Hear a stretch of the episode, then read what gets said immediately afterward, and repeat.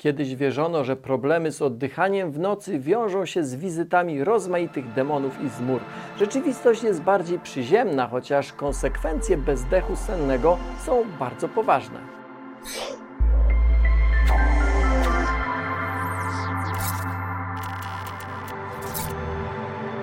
Mam świadomość, że bezdech senny to nie jest jeden z tych mega tematów, które zdobywają internety, ale w Nauka to lubię chcemy robić rzeczy ważne i pożyteczne, a te często nie są tymi, które najlepiej się klikają. Bezdech senny dotyczy kilku milionów Polaków, a w większości przypadków jest on niezdiagnozowany i właśnie dlatego ten temat postanowiłem zrobić, po to by Wam go uświadomić, e, bo wśród oglądających średnio co dziesiąta osoba ma trudności z oddychaniem podczas snu. Jest kilka rodzajów bezdechu, ale nawet 90% przypadków to tak zwany bezdech obturacyjny. Co znaczy obturacyjny? Obturacyjny to taki, który wynika z niedrożności dróg oddechowych, a ta niedrożność uniemożliwia swobodny przepływ powietrza i choć mięśnie oddechowe pracują prawidłowo, powietrze nie dociera swobodnie do płuc. Co to w praktyce oznacza albo jakie to może mieć konsekwencje? Zanim o tym powiem, jeszcze wspomnę, że istnieje, e, istnieją jeszcze inne rodzaje bezdechów, na przykład bezdech centralny i wynika on z braku sygnałów nerwowych z mózgu, które kontrolują oddychanie i yy, występuje przede wszystkim u wcześniaków. On jednak występuje dużo rzadziej niż ten bezdech obturacyjny. Teraz powiem coś, co chyba każdy wie. Mięśnie do swojej pracy potrzebują tlenu. Tlenu potrzebuje także mózg. Tlen jest tak potrzebny, że nawet niewielki spadek jego stężenia we krwi powoduje włączenie w organizmie systemów alarmowych. Podczas bezdechu, choć mięśnie oddechowe pracują prawidłowo, a więc zużywają tlen, do płuc trafia tego tlenu za mało. Częściej dzieje się to w nocy, bo w nocy rozluźniają nam się mięśnie.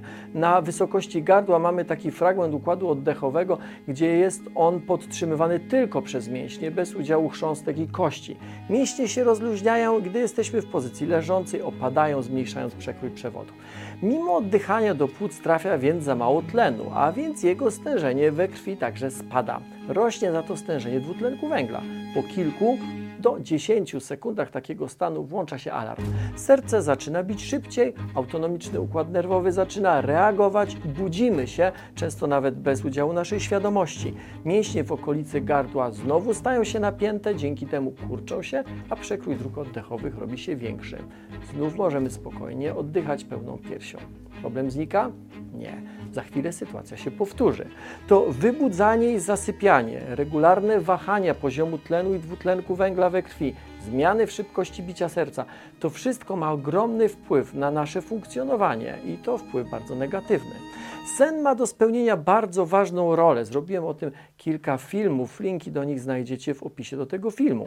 Życie bez snu na dłuższą metę nie jest możliwe. Nasz organizm czuwa, żebyśmy się nie udusili w nocy i po kilku, kilkunastu sekundach znajdzie sposób, żeby nabrać powietrza.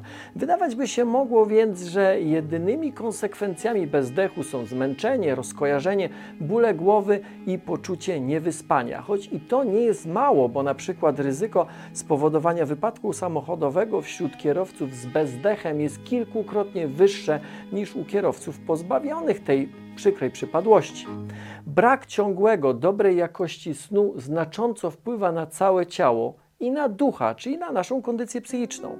Bezdech to większa drażliwość, ale także większa szansa stanów depresyjnych i lękowych.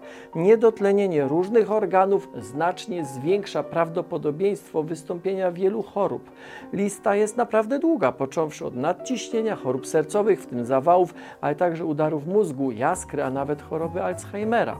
U osób z bezdechem ryzyko wystąpienia cukrzycy typu drugiego jest o 70% wyższe niż u osób oddychających w nocy swobodnie. I jeszcze raz, po co tym wszystkim mówię? Bo to ważne, bo to dotyczy ogromnej grupy ludzi, e, grupy ludzi czy ludzi, którzy nawet nie są świadomi tego e, w wielu przypadkach, że sami mogą sobie pomóc. Temat kilkukrotnie częściej dotyczy mężczyzn, znacznie częściej dotyczy osób z nadwagą. Zwiększenie masy ciała o 10% sześciokrotnie zwiększa ryzyko wystąpienia bezdechu. Źródła do tych wszystkich danych, jak zwykle w moich filmach, znajdziecie w opisie. Kiedyś zrobiłem film o chrapaniu. Chrapanie powinno być dla nas alarmujące, bo może stanowić wstęp do bezdechu.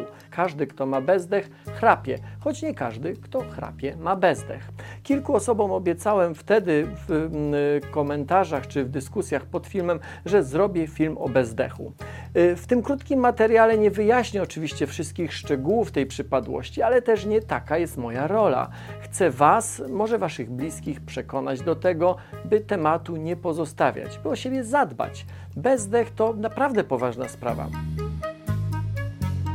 W jaki sposób można mu zaradzić? Zmiana stylu życia na bardziej aktywny, zmiana zwyczajów żywieniowych, zadbanie o higienę snu, zgubienie zbędnych kilogramów na pewno pomogą na bezdechy o łagodniejszym przebiegu. W przypadku poważniejszych odmian konieczne jest wsparcie specjalisty.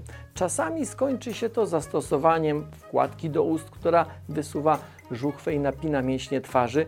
Poważniejszych przypadkach może będzie trzeba czasowo stosować maskę wspomagającą oddychanie.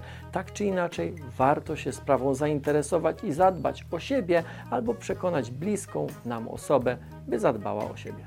Nauka to lubię od 10 lat nie tylko na Facebooku, YouTubie. Możecie nas śledzić na platformach podcastowych, na prawie chyba wszystkich mediach społecznościowych, a także w serwisach internetowych. Zapraszam.